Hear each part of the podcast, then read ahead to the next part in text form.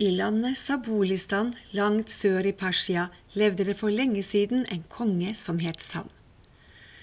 Kongen var streng, men rettferdig, og hele folket elsket ham.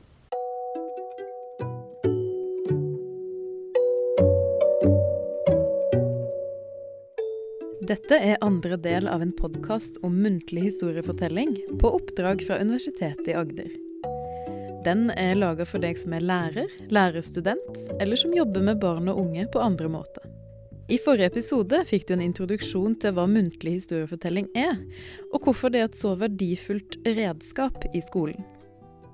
I denne episoden skal du få høre mer om hvordan du kan jobbe med historiefortelling i praksis. Katrine Halvorsen er også lærer ved Tordenskiolds gate skole i Kristiansand.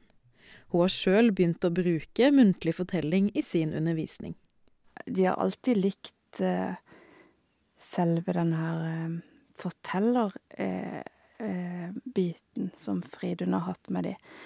Og jeg husker første gang hun kom inn, da var, tok hun jo Altså, hun bergtok klassen fra første minutt. Da kom hun bare inn og fortalte et eventyr. Så, så det, det med forteller eh, har vært utrolig bra. Jeg syns det er helt fantastisk eh, å se elevene, hvor engasjerte elevene blir i en fortellerstund. Og så er det eh, Du får en helt spesiell kontakt med elevene når du kan frigjøre deg fra manus og ha øyekontakt og Så det er noe helt eget over å drive med fortelling. Og og der er sekken. Og han som hopper Eller er noen som putter ham oppi sekken? Du. Og så der har vi gulltann. Dette er super tegning. Veldig moro. Muntlig fortelling blir av og til kalt for fattigmannskino, fordi det skaper indre bilder hos tilhøreren. Fortellingene og bildene er med på å stimulere fantasi og kreativitet hos barna. Noe Fridun utnytter ved å få elevene til å gjenfortelle, male og lage tegneserier og dukketeater. Jeg bare tegner en tegneserie av historiens smørbukk. Det er når eh, Smørbukk lurer alle trollene, og så greier han å drepe alle trollene. Sånn at, ja, sånn at historien er ferdig, da. Jeg har sånn veldig erkjennelse at her er det noe sånn enormt eh, potensial for å få alle aktive. Og det gjaldt jo også selvfølgelig det å få dem til å fortelle sjøl. Så den muntlige delen er jo kjempeviktig. Og, og så brukte vi etter hvert mye, veldig mye tid på maling, tegning fra eventyrene, dramatisering. Og jeg er verken dramalærer, og jeg er en katastrofe når det gjelder tegning sjøl, men jeg bruker det allikevel. Så det har, har, ikke noe med det å gjøre heller, men det har noe med å gi det verdi og verdsette det, og ikke bare la det gå i papirsøpla etter at eleven er ferdig med å tegne, men at du løfter det opp, ser på det, snakker om det, henger det opp, alt det her.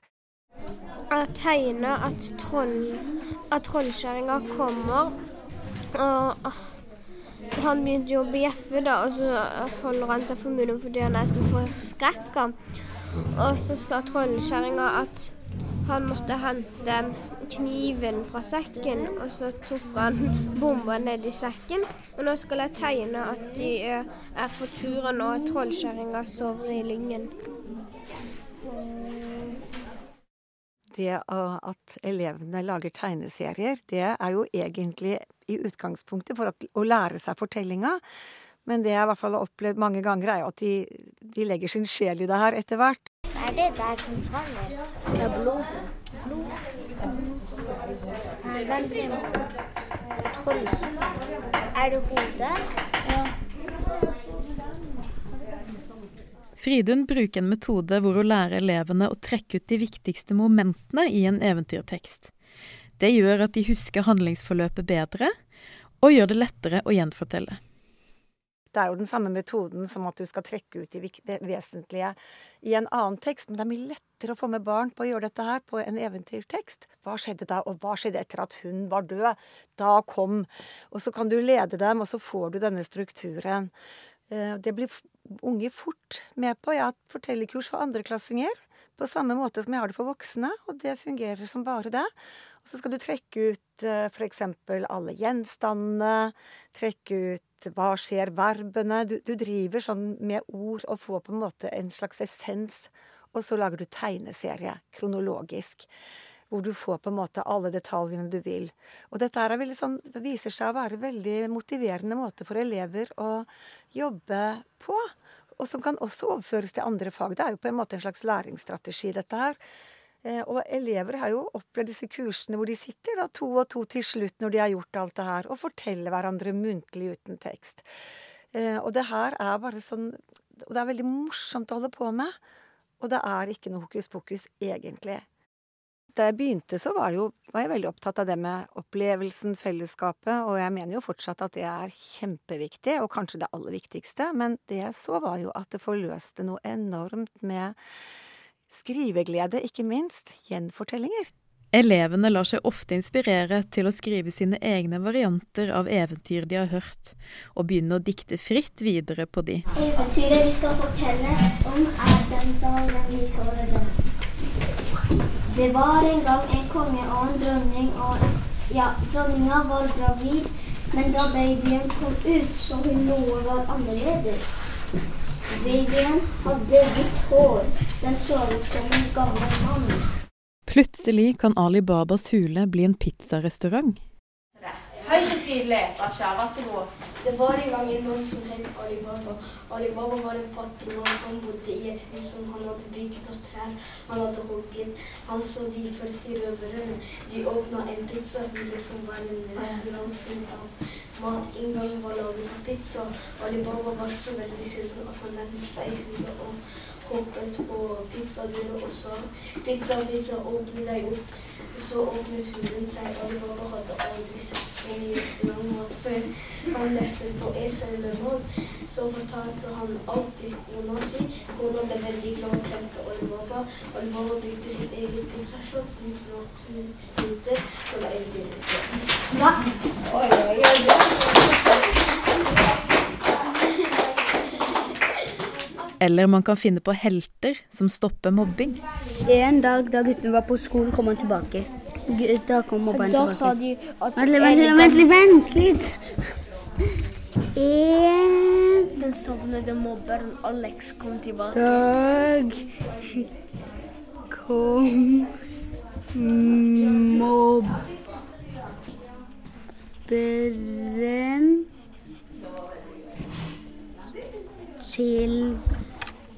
tilbake.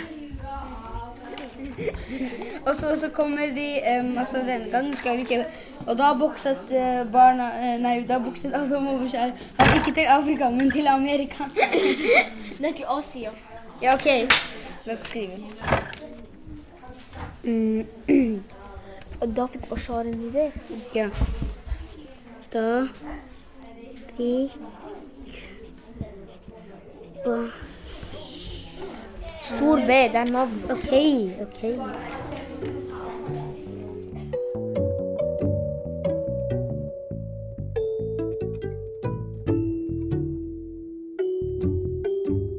Og så er det dette her å Altså I kompetansemål for fjerde klasse eksempel, så skal de jo lære å lage replikker. De skal lære på en måte å kunne skille mellom fortellerstemmereplikker. Det er utrolig mange kompetansemål som man kan trekke inn i det her. Eh, og har jo, vi har jobba litt med dokketeater nå, og det er utrolig lett å få tak i masse fine hånddokker, faktisk, som en skole kan Det jo, koster ikke all verden, for man har det jo i årevis og kan bruke det på tvers. Eh, Pluss at alle vet jo at man lett kan lage hånddokker av sokker og alt mulig sånn med elever, men la altså tåle å gi dem litt, gi litt slipp. Det blir ikke bra med en gang. Det krever jo arbeid, det òg, men det er utrolig motiverende, og det er veldig mye læring i det.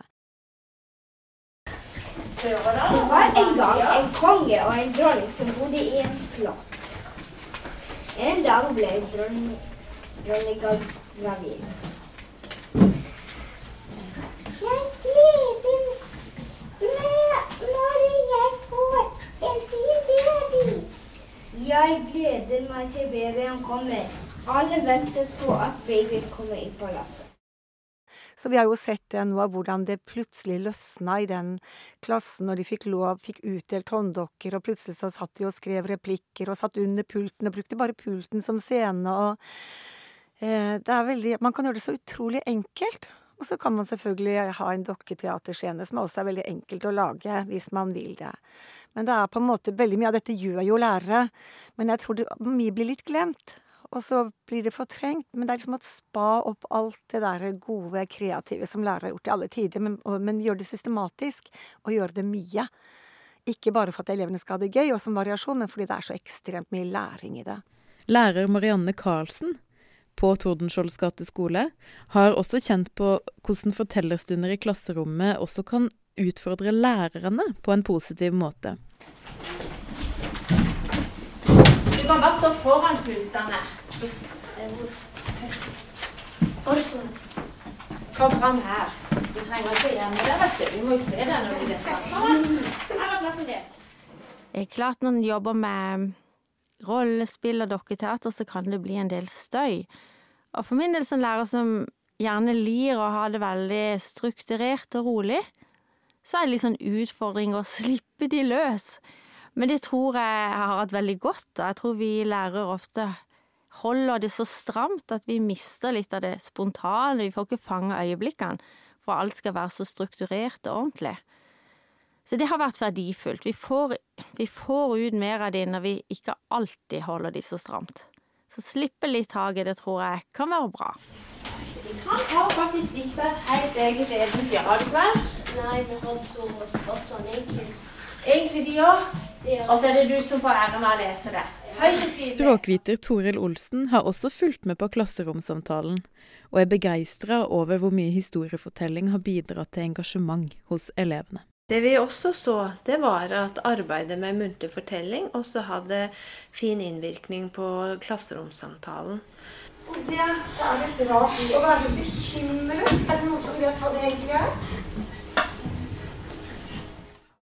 Som jeg sa i den første episoden, så var det mange som rakk opp hånda, og som viste at de da hadde noe At de ønska å bidra, og at de hadde noe å fortelle. Og det var også elever som hadde eh, litt svake norskkunnskaper. Men en sånn åpen og utforskende klasseromsamtale, det, det forutsetter at læreren slipper litt opp. Bekymret er sånn at man er redd av liksom, Man er så glad i det, og, og man er redd for. Liksom, at han skal liksom være Noe skal skje. ja, At en gjør noe farlig, og du blir bekymret av det. Så, så, så en gang Det var liksom lenge siden jeg gikk i en annen skole. Da var det en sånn katt. Og første gang den skulle gå i natta, så var jeg sånn bekymret. den- Jeg trodde den skulle bli påkjørt. Det var utrolig fint forklart. Det er fort gjort at en klasseromsamtale får en stram struktur, der læreren stiller spørsmål, elevene svarer, og så gir læreren en respons eller en tilbakemelding før det kommer et nytt spørsmål. Og så, så fortsetter det slik. Læreren har jo da full kontroll på samtalen, og det kan være behagelig og trygt. Men vi så det at eh, når læreren slapp litt mer opp og utfordra elevene, så begynte også elevene å gi respons eh, på hverandres innspill. Og det ble en gruppesamtale, og ikke bare en dialog mellom læreren og klassen. Det var særlig når vi jobba med disse dilemmafortellingene, at elevene ble engasjert i hverandres svar og ga respons på hverandres innspill. En klasseromsamtale er selvfølgelig viktig for den språklige utviklingen til elevene. Elevene får tilgang på ord og uttrykk som de kan bruke i samtalen eller ved senere anledninger. Elevene fikk jo også trening i å argumentere og begrunne sine svar. Men det er også viktig å huske på at en klasseromsamtale også har en sosial dimensjon. Elevene blir bedre kjent med hverandre når de får utforske et tema i fellesskap. Kanskje han bak oss der har opplevd Oi, mye ja! Adam, har du sett karavanen? Ja, ganger i, Egypt. Det var, det var kameler, og så var det masse ting på, på, på kamelen, og så gikk det noen mennesker foran.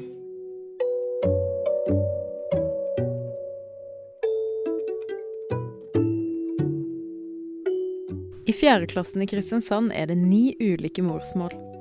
Og eventyr er noe som fins i alle kulturer.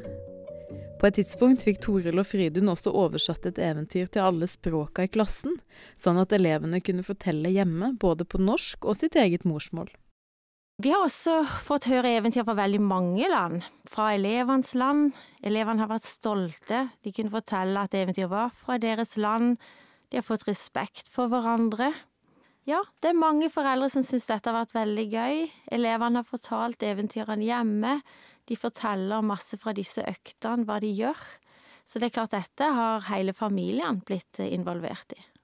Jeg kjenner noen foreldre som Ja, eh, eller jeg kjenner godt en far i den klassen der, og han sin sønn forteller veldig glødende om dette her hjemme. Så det er veldig gøy å se. Og han, når, når eh, Fridun hadde det på sånn eh, Google Meet i koronaperioden, da satt de og fulgte med mor og far og sønn. Så det var veldig fint. Eh, Når man vokser opp i Norge og har norsk som morsmål, så er det lett å ta dette for gitt. Eh, For vi har jo et språk som vi da behersker, og som vi har tilgjengelig i alle sammenhenger. Eh, Men for elever som da har kort botid i Norge, så kan det å få lov til å jobbe med eventyr både på norsk og på morsmål gi mestring, og det vil gjøre det lettere for eleven å forstå teksten som klassen jobber med. Eh, Det vil også føre til at tilegnelsen av norsk går raskere.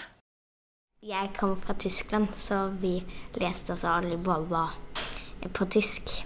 Jeg pleier å fortelle det til mamma, og kanskje mamma forteller det til pappa. Så ja. Men hun leste til meg som til natta om det på mitt språk, rumensk.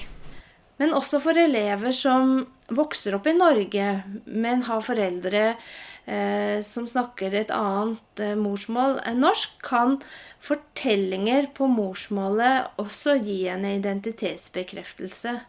Eh, for selv om disse elevene kanskje behersker norsk best, så vil de likevel, eller sannsynligvis også, kunne identifisere seg med de språkene, eller det språket som snakkes i hjemmet. Eh, Og som jeg sa i forrige episode, så har språk eller erfaringer som synliggjøres i eh, undervisninga i klasserommet, det får en annen status enn om dette da skjer i friminutta eller etter skoletid. Marianne Karlsen er også opptatt av hvordan muntlig fortelling går hånd i hånd med de nye kompetansemåla under fagfornyelsen. Så ser jeg jo at vi har vært innom veldig mye av det som står i fagfornyelsen etter når jeg har studert kompetansemål i norskfag etter fjerde trinn. Og veldig mange av de punktene som står her, har jo dette med muntlige fortellinger og eventyr lær, eh, vært igjennom. Vi har lytta til fortellinger, utforska, vi har hatt muntlige presentasjoner. De har fått uttrykt seg forskjellig med dokketeater, tegneserier, rollespill og gjenfortelling. Så en hel haug av det som står eh, i planen, det har vi vært innom.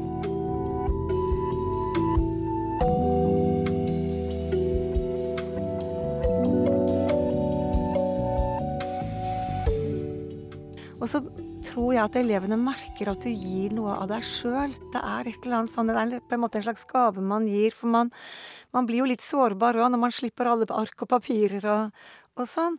Men det som jeg ikke sa i stad i forhold til det med hva muntlig fortelling er, så er det, det er så nærvær. Jeg tenker at det er en sånn kjempeviktig, for i alt dette digitale og, og delte oppmerksomheten Altså, du har en voksen som bare ser deg inn i øynene og de andre rundt deg, eh, og, og det blir en slags sånn magisk ursituasjon. Som faktisk fungerer i år 2020, til tross for at de holder på med spill og alt det her data ellers så er de helt til stede når du forteller, og det er oppmuntrende. Og det er nesten som et lite mirakel.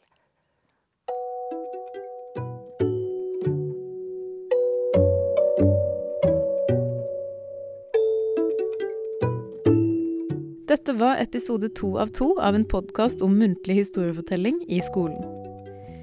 I tillegg til dette skal du få en bonusepisode, hvor Fridun går gjennom eventyret Sal den hvithårede med råd og tips om hvordan du kan gjennomføre en fortellerstund. Du hørte Fridun Tørå Karsrud, Toril Olsen, Katrine Halvorsen, Marianne Karlsen og elever fra 4. klasse på Tordenskiolds gate skole i Kristiansand. Podkasten er laga på oppdrag fra Universitetet i Agder av Anne Gerd Grimsby Haarr.